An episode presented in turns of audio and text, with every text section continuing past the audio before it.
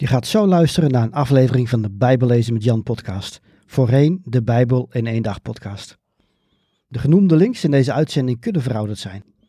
Kijk op bijbellezenmetjan.nl of in de omschrijving van deze aflevering voor meer informatie over hoe ik mensen en kerken kan helpen met het lezen, begrijpen en geloven van de Bijbel. Welkom bij de Bijbel in één dag podcast. Mijn naam is Jan Heijnen.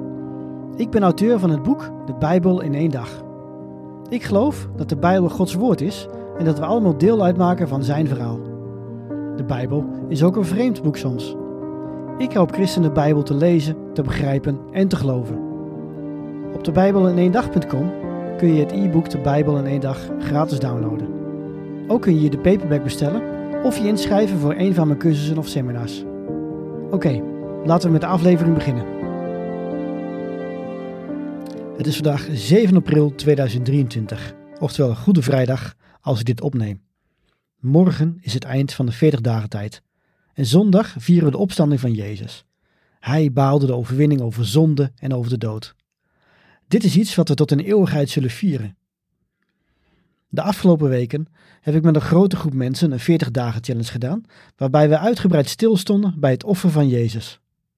In de podcast heb ik al enkele lessen gedeeld. Dat was mooi, denk ik, maar het voelt niet compleet als ik niet ook een aflevering over Jezus dood online zet.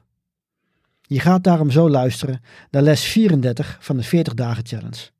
Hierin kijken we naar hoe Marcus verslag doet van de kruisiging van Jezus. Wil jij ook meedoen aan de 40 dagen challenge? Dit kan ook na Pasen nog. Geef het dan op via jan-heine.nl slash 40 dagen. Oké, hier komt de overdenking. Zie, een man aan het kruis.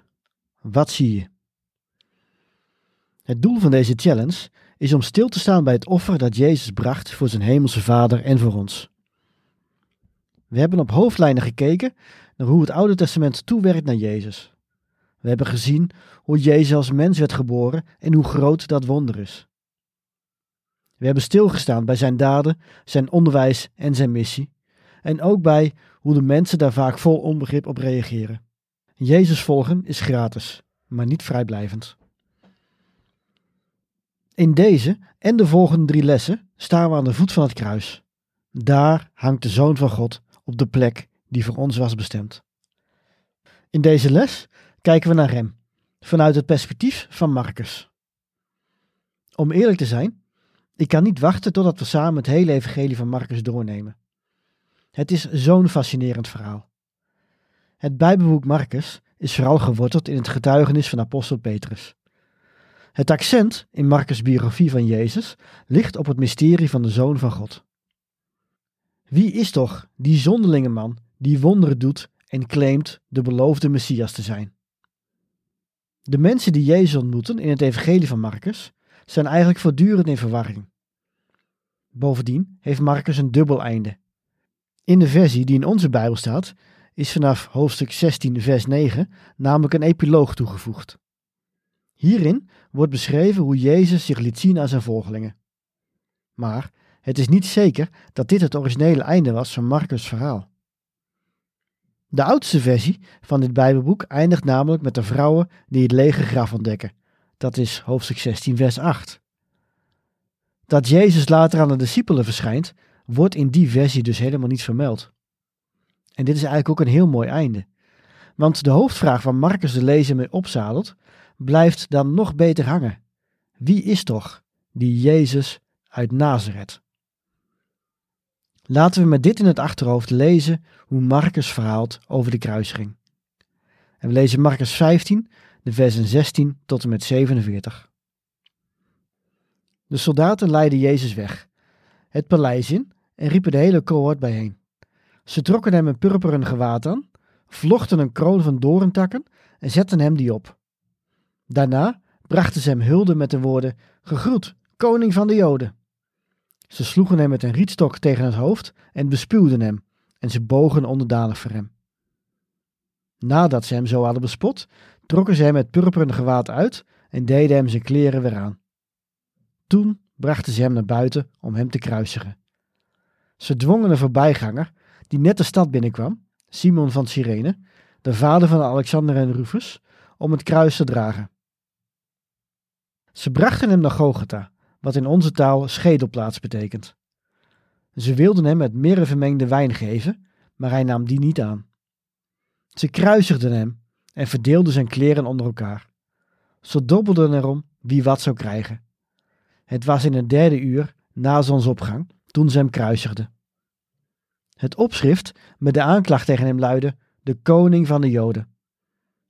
Samen met hem kruisigden ze twee misdadigers, de een rechts van hem, de andere links. En de voorbijgangers keken hoofdschuddend toe en dreven de spot met hem. Ach, kijk nu toch eens, jij die de tempel afbreekt en in drie dagen weer opbouwt. Red jezelf toch door van het kruis af te komen. Ook de hoge priesters en de schriftgeleerden maakten onder elkaar zulke spottende opmerkingen. Anderen heeft hij gered, maar zichzelf redden kan hij niet. Laat die Messias, die koning van Israël, nu van het kruis afkomen. Als we dat zien, zullen we geloven. Ook de twee andere gekruisigden beschimpten hem. Op het middaguur viel er een duisternis over het hele land, die drie uur aanhield. Aan het einde daarvan, in het negende uur, riep Jezus met luide stem: Eli, Eli, lema sabachthani. Wat in onze taal betekent: Mijn God, mijn God, waarom hebt u mij verlaten? Toen de omstanders dat hoorden, zeiden enkele van hen: Hoor, hij roept Elia. Iemand ging snel een spons halen, doordrenkte die met zure wijn, stak de spons op een stok en probeerde hem te laten drinken, terwijl hij zei: Laten we eens kijken of Elia komt om hem eraf te halen. Maar Jezus slaakte een luide kreet en blies de laatste adem uit. En het voorrangste van de tempel scheurde van boven tot onder in tweeën. Toen de centurio, die recht tegenover hem stond, hem zo zijn laatste adem zag uitblazen, zei hij: Werkelijk, deze mens was Gods zoon. Van een afstand keken ook enkele vrouwen toe, onder wie Maria uit Magdala en Maria, de moeder van Jacobus, de jongere, en van Jozef en Salome. Toen hij in Galilea verbleef, waren deze vrouwen hem gevolgd en hadden ze voor hem gezorgd, net als vele andere vrouwen die met hem waren meegereisd naar Jeruzalem. Toen de avond al gevallen was, het was de voorbereidingsdag, dat wil zeggen de dag voor de Sabbat, kwam Jozef van Arimathea, een vooraanstaand raadsheer, die zelf ook de komst van het koninkrijk van God verwachtte. Hij raapte al zijn moed bijeen en ging naar Pilatus, die hij om het lichaam van Jezus vroeg. Het bevreemde Pilatus dat hij al dood zou zijn, en hij riep de centurion bij zich, aan wie hij vroeg of Jezus al gestorven was. En toen de centurion dat bevestigd had, gaf hij het lijk aan Jozef. Jozef kocht een stuk linnen, haalde Jezus van het kruis en wikkelde hem in het linnen. Daarna legde hij hem in een graf dat in de rots was uitgehouwen en er rolde een steen voor de ingang. Maria uit Magdala en Maria, de moeder van Jezus, keken toe in welk graf hij werd gelegd. Tot zover de Bijbeltekst.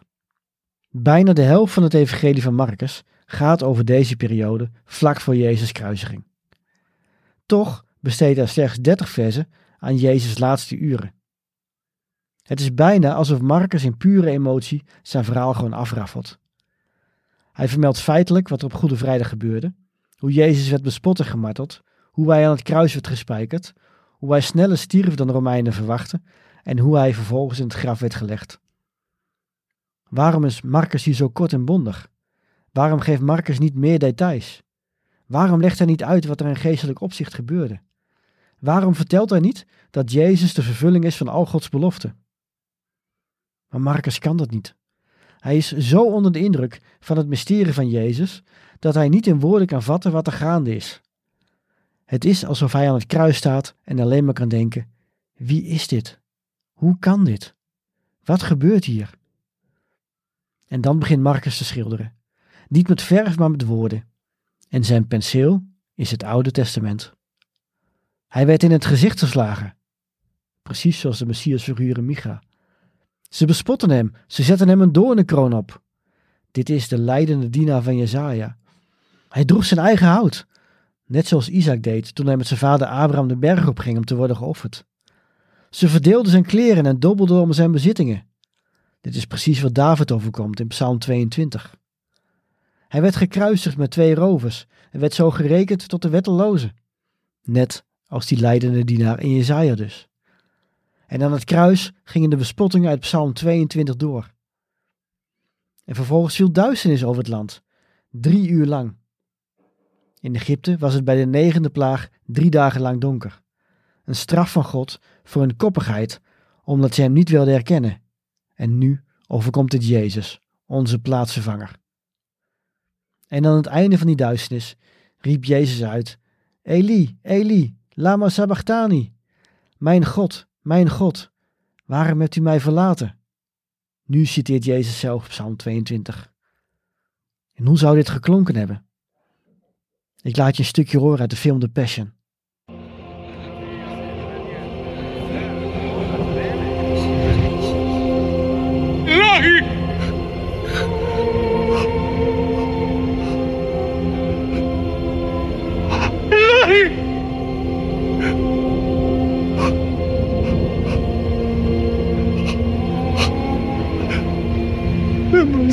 Sabatani.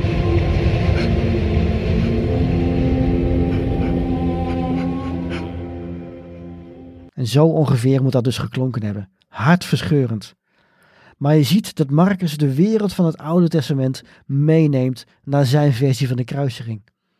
Elke zin die hij opschrijft is diep geworteld in alles wat er in de Bijbel staat. En dan komt de conclusie. Jezus stierf. En ogenblikkelijk scheurde het voorhangsel van een tempel van boven tot onder. Dat gordijn was 9 centimeter dik. Het hing er al sinds de tijd van Mozes, om ervoor te zorgen dat niemand te dicht in de buurt van God kan komen. Dit voorhangsel was het symbool van de afstand tussen God en mens. Zijn heiligheid en de zonde van de mens maakten dat dit gordijn er wel moest hangen. Het was noodzakelijk. Maar op het moment dat Jezus stierf, scheurde God het gordijn, zoals je een velletje papier scheurt, van boven naar beneden. Alsof God zegt: Dit is niet meer nodig, kom bij mij, het kan weer. Op hetzelfde moment riep de Romeinse commandant uit: Dit was de zoon van God. Deze Romein is de eerste en enige mens in Marcus die bevestigt wat Jezus over zichzelf zei. De ongelovige, heidense moordenaar, de beul van Jezus, die hem aan het kruis nagelde nadat hij Jezus eerst had bespot met zijn soldaten, die man kwam tot de conclusie dat hij een vreselijke fout had begaan. Deze man was werkelijk van God afkomstig. Van Marcus kunnen we dus leren dat Jezus een mysterie is. We kunnen nooit helemaal bevatten wie hij is en wat hij heeft gedaan. We mogen in verwarring raken en toch kan het soms ook allemaal glashelder en simpel zijn. Jezus is de Zoon van God. En het gordijn tussen God en mens is gescheurd. De weg naar God ligt wijd open voor iedereen.